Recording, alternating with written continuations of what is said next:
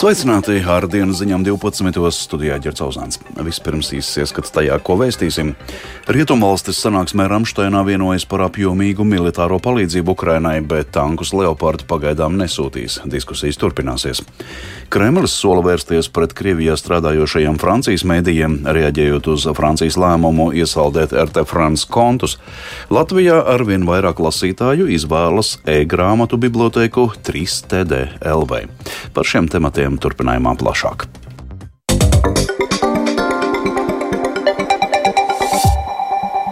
Ukraina ir pateicīga par rietumvalstu apņēmību arī turpmāk piegādāt tai nepieciešamo bruņojumu, lai pretotos Krievijas iebrucējiem, taču diskusijas par smago tanku piegādēm ir jāturpina. Tā paziņojas Ukrainas prezidents Volodimirs Zelenskis pēc Ramšteinas bāzē notikušajām rietumvalstu aizsardzības ministru sarunām. Rietumu analītiķi uzskata, ka Ukrainas frontē pašlaik ir iestājies strupceļš, bet Maskava pastiprina informatīvo cīņu, lai parādītu Ukrainu kā arvien bīstamāku valsti Krievu sabiedrībai. Vairāk stāsta Tuģis Lībietis. Aptuveni 50 Ukrainas sabiedroto valstu aizsardzības ministru tikšanās Ramsteinā, Vācijā, ir noslēgusies ar rietumu partneru apņemšanos piegādāt Ukrainam kārtējo apjomīgo militārās palīdzības sūtījumu.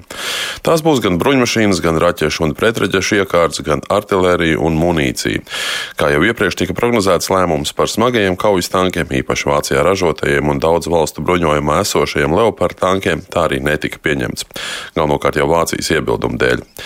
Iepriekš izskanēja ziņas, ka dažas valstis būtu gatavas tankus nodot Ukrainai arī bez Vācijas piekrišanas, taču šie solījumi palikuši tikai solījuma līmenī. Valstīm apzinoties, ka šis tomēr ir ārkārtīgi jūtīgs jautājums. Komentējot vakardienas sanāksmes rezultātus, Ukrainas prezidents Valdemirs Zelenskis pateicies rietumu sabiedrotajiem par katras valsts sniegto ieguldījumu. Kopumā varam secināt, ka šī Ramšteinas tikšanās stiprinās mūsu noturību. Partneri ir stingri savā nostājā. Viņi turpinās atbalstīt Ukrainu tik, cik nepieciešams mūsu uzvarai. Jā, mums joprojām nāksies cīnīties par moderno tanku piegādāšanu, taču ar katru dienu mēs padarām acīm redzamāku to, ka nav alternatīvu lēmumam par tankiem. Es uzrunāju Ramšteinas dalībniekus un mūsu aizsardzības kontaktgrupu un pateicos visiem partneriem, kuri atbalstīja mūsu nostāju šajās diskusijās. Vienlaikus Valdemirs Zelenskis aicināja sabiedrotos domāt par piegāžu termiņiem, kurus nepieciešams ieviest cik vien ātri iespējams. Kā jau vēlāk Amerikas Savienotajās valstīs izteicās ASV prezidents Joe Bidenis, Ukraina galu galā saņems visu palīdzību, kas tai būs nepieciešama. Runājot par situāciju Ukraiņas austrumfrontē, Ukraiņas bruņoto spēki ir paziņojuši, ka Krievijas iebrucēju pusē bojā gājušo skaits nu jau ir pārsniedzis 120 tūkstošus. Savukārt Britu izlūkdienests uzskata, ka situācija ir nonākusi strupceļā, taču ir iespējama lokāla Krievijas spēku pavirzīšanās uz priekšu Bahmutas virzienā. Iepriekš arī Vācijas izlūkošanas dienests ir paudzis bažas par to, ka Bahmutas tūmā Ukraiņas armija cieš lielus zaudējumus, un arī tās rindās ikdienu kritušo skaits esot mērāms trīs ciparu skaitļos. Pēdējo dienu laikā liela uzmanība tiek pievērsta arī Krievijas galvaspilsētai Maskavai, kur uz vairāku administratīvu ēku jumtiem, tostarp arī uz aizsardzības ministrijas, ir izvietotas pretgaisa aizsardzības sistēmas. Kā uzskata amerikāņu domnīcas karaizpētes institūts, Kremlis šādi ir rīkojies, lai visticamāk radītu provocējošus vēstījumus informatīvajā telpā un pastiprinātu pret Ukrainu vērsto negatīvo noskaņojumu. Amerikāņu eksperti uzskata, ka Maskava vēlas panākt, lai karš Ukrainā tiktu parādīts kā Krievijas sabiedrību arvien vairāk apdraudošs. Vienlaikus ļoti labi apzinoties, ka Maskava diez vai būs Ukrainas mērķis. Uģis Lībijams, Latvijas Radio. Krievija spērs atbildes soļus pret Krievijā strādājošajiem Francijas medijiem, jo Francijas varas iestādes ir izlēmušas iesaldēt raidsabiedrības RT France kontus. Krievijas ārlietu ministrijas pārstāvji aģentūrām TAS un RIA Novosti izteikušies, ka Parīze terorizē Krievu žurnālistus un šāda Francijas rīcība netikšot aizmirsta.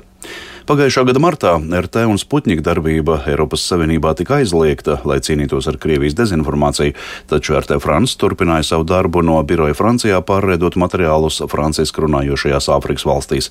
Francijas lēmums iesaldēt šī uzņēmuma kontus saistīts ar Eiropas Savienības sankciju devīto paketi, kas stājās spēkā decembrī.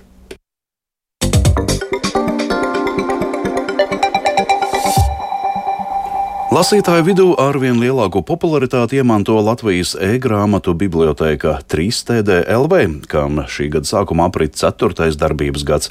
Pirmajā gadā e-bibliotekai piepildījās 5000 lasītāju, bet tagad to izmanto jau 17000, un tādējādi lasītāju skaita ziņā platforma šobrīd pielīdzināma lielākajām publiskajām bibliotekām valstī. Plašāk stāsta Baiba Kušķa. 3TD ir e-grāmatu bibliotēka, kurā tiešsaistē bez maksas ir pieejamas grāmatas latviešu valodā, gan latviešu autoru oriģināla darbi, gan latviski tulkotās grāmatas. Platformas darbību atbalsta valsts, un tās nosaukums ir atsauc uz bibliotēku attīstības projektu Trešais tēva dēls, jeb 3TD, kura laikā bibliotekas tika apgādātas ar modernajām tehnoloģijām. Jā, 3TD darbības pirmajā dienā e-bibliotēkā laikā bija 100 grāmatu no viena izdevēja, tad šobrīd tur pieejamas gandrīz 600 grāmatas no septiņiem izdevējiem. Lasītāju skaits izaudzis līdz 17 tūkstošiem. Valmieras biblioteka savulaik bija viena no aktīvākajām šīs platformas idejas virzītājām, un tās pārstāve Olga Kronberga atzīst, ka viņai ir ļoti liels gandarījums par projektu attīstību. Strādāju bibliotekas nozare gandrīz 20 gadus, un es uzskatu, ka manā karjerā Tas ir veiksmīgākais projekts, veiksmīgākais gan latviešu valodas, gan latviešu literatūras atbalstam. Es teiktu, pat pasaules līmeņa projekts, jo e-grāmatas var lasīt pilnīgi jebkur pasaulē. Dati liecina, ka pērn gandrīz 90% lietotāju 3TD lasījuši atrodoties Latvijā, gandrīz 2% apvienotajā karalistē, bet 1% Zviedrijā un Amerikā. Visbiežāk cilvēki izvēlas lasīt vietālrunī, un iecienītākais lasīšanas laiks ir pusdienlaiks un vakara stundas.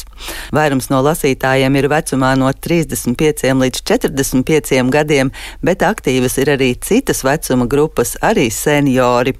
Platforma kļūst arvien draudzīgāka cilvēkiem, kam ir redzes problēmas. Sarunā ar Latvijas radio raidījumu starpbrīdis stāstīja tehnoloģiju uzņēmuma Tieto Evrī pārstāve Inga Grensberga. E-grāmatu bibliotēkas tas lielais pluss ir arī, ka šos te burtus gan telefonā vai datorā lasot, katrs lasītājs var palielināt tik lielus, cik viņam ir ērti. Un mēs to arī redzam pie statistikas, ka ļoti daudz lietotāju ir tieši seniori. Tas nozīmē, ka viņam ir nevis grāmatā maza burtiņa un lielas lasāmās brilles, bet viņš var uztaisīt tieši tik lielus burtus, nezinu, trīs vārdus ekrāniņā, piemēram, telefonā, un tik šķirstas priekš. Lai varētu lasīt grāmatas e-bibliotēkā, ir jābūt kādas no Latvijas publisko bibliotēku lasītājam, un šobrīd pieregistrēties kādā no bibliotēkām ir iespējams arī attālināti. Viens no e-bibliotekas lielajiem plusiem ir lasīšana bez rindas. Piemēram, nesen e-bibliotēkai pievienoto pasaules slaveno grāmatu, kuru vēži dzied, šobrīd lasa 28 cilvēki vienlaicīgi, bet pati populārākā šobrīd ir grāmata Nefrīta kaķis, ko vienlaicīgi lasa aptuveni 60 cilvēku. Baiba Kušķe, Latvijas radio. Bet dabas muzejā no šodienas skatām izglītojoša fotoizstāde par Brūno Lāci. Tajā eksponētas Igaunijas autora fotogrāfijas, kas atklāja Brūnā Lāča dzīvi savvaļā Igaunijā.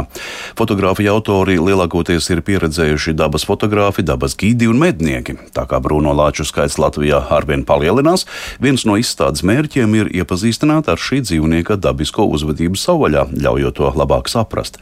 Plašāk par izstādi stāsta dabas muzeja pārstāve Polīna Šķiņķa fotogrāfijas ir papildināts gan ar autoru komentāriem, gan arī ar speciālistu komentāriem par to, ko mēs šajā fotogrāfijā varam redzēt un ko mēs no tās secinam par lāču dzīvesveidu un uzvedību.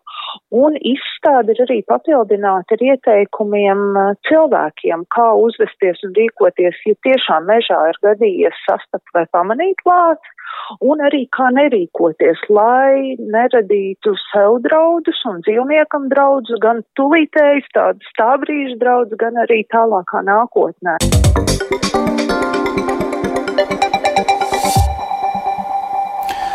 Siguldā šodien ar bobsleju divnieku sacīkstēm dāmām un kungiem noslēgsies Eiropas kausa posms, bet Vācijā Latvijas labākās bobsleja ekipāžas cīnīsies pasaules kausa posmā un Eiropas čempionātā.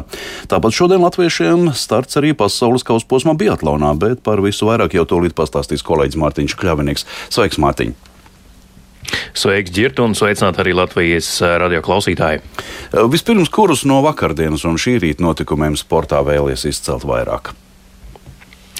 Es labprāt gribētu izcelt uh, ledus hokeju un uh, vienu konkrētu Latvijas hokeja izlases uzbrucēju Renāra Krastenberga sniegumu. Viņš pārcēlies uz jaunu komandu Stokholmas AIK. Iepriekšējā gaunieks spēlēja Zviedrijas pēc spēka otrās līgas uh, vienībā no Sēdertēlijas, bet nu, tur tas sezonas ritējums nebija tāds, kā viņš vai arī vienības vadība gribētu. Līdz ar to mm, Sēdertēlijas komanda atrada iespēju viņu aizmainīt uz um, Stokholmas AIK. Nu, tur arī Renārs vakardien aizvadīja pirmo maču šīs konkrētās komandas kraklā, un uh, viņa pārstāvētā vienība ar 4-3 pārspēja Vāstervik, un Latvijas gūs Stokholmas vienības otros un trešos vārtus, kā arī rezultatīvu piespēlēja pirmajos. Lūk, ko pēc pievienošanās AIK intervijā kluba pārstāvjiem sacīja Krastenbergs. Feels great. It was uh, a long, long journey, long couple weeks to get here. And, uh, Jūtos lieliski. Pagāja ilgs laiks, aptuveni divas nedēļas, kamēr nonāca līdz šejienei. Komanda un halle, viss šeit ir lieliski. Esmu dzirdējis, ka šī ir viena no prestižākajām hokeja organizācijām Zviedrijā. Mans labs draugs nesen te spēlēja. Viņam bija sakāms tikai labas lietas. Pirms debijas mača aizvadīju vienu treniņu ar komandu un jutos izcili. Par spīti tam, ka kādu laiku nebija lidojis komandā. Esmu iepriekš spēlējis šajā hallē, ļoti laba atmosfēra, īpaši derbijā pret Jurgārdenu. Pilna arēna dzīvē izskatās ļoti iespaidīgi. Nevar sagaidīt spēlēšanu mājās. arena, and, uh, looks incredible. Can't wait for that.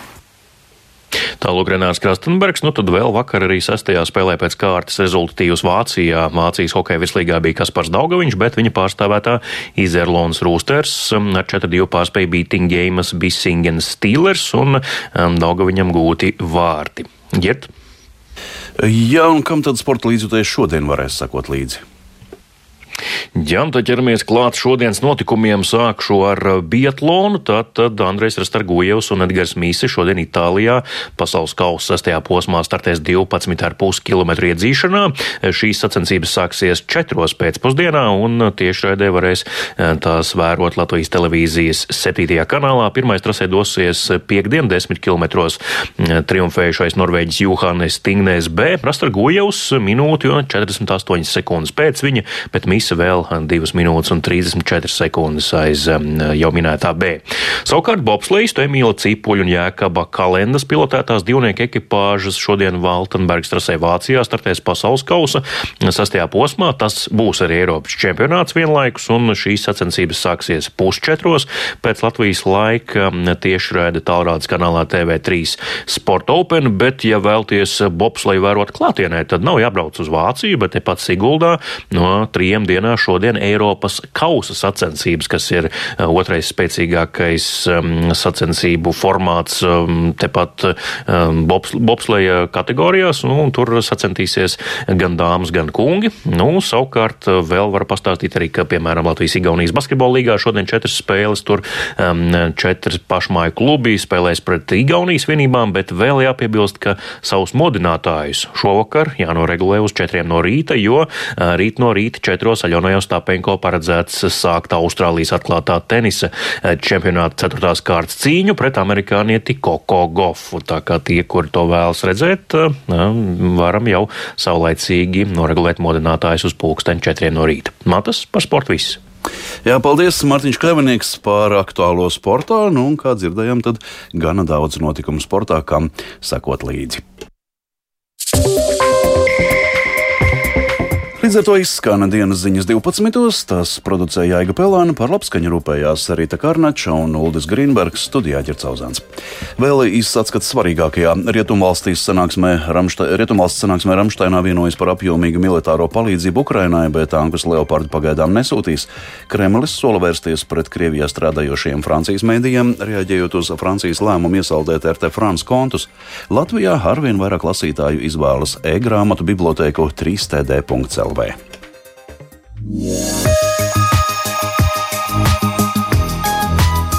Kā ziņo Latvijas vidas geoloģijas un meteoroloģijas centrs, Rīgā šobrīd ir mīnus 1 grāds, lēns ziemeļaustrumu vējš, atmosfēras spiediens 777 mm un gaisa mitrums 84%. Dienā Latvijā daļai mākoņaina, pēcpusdienā daudz vietā skaidrosies, nokrišņus sinoptiķi nesola, mērens ziemeļaustrumu vējš, gaisa temperatūra no 1 līdz 2 grādiem. Rīgā ap nulli.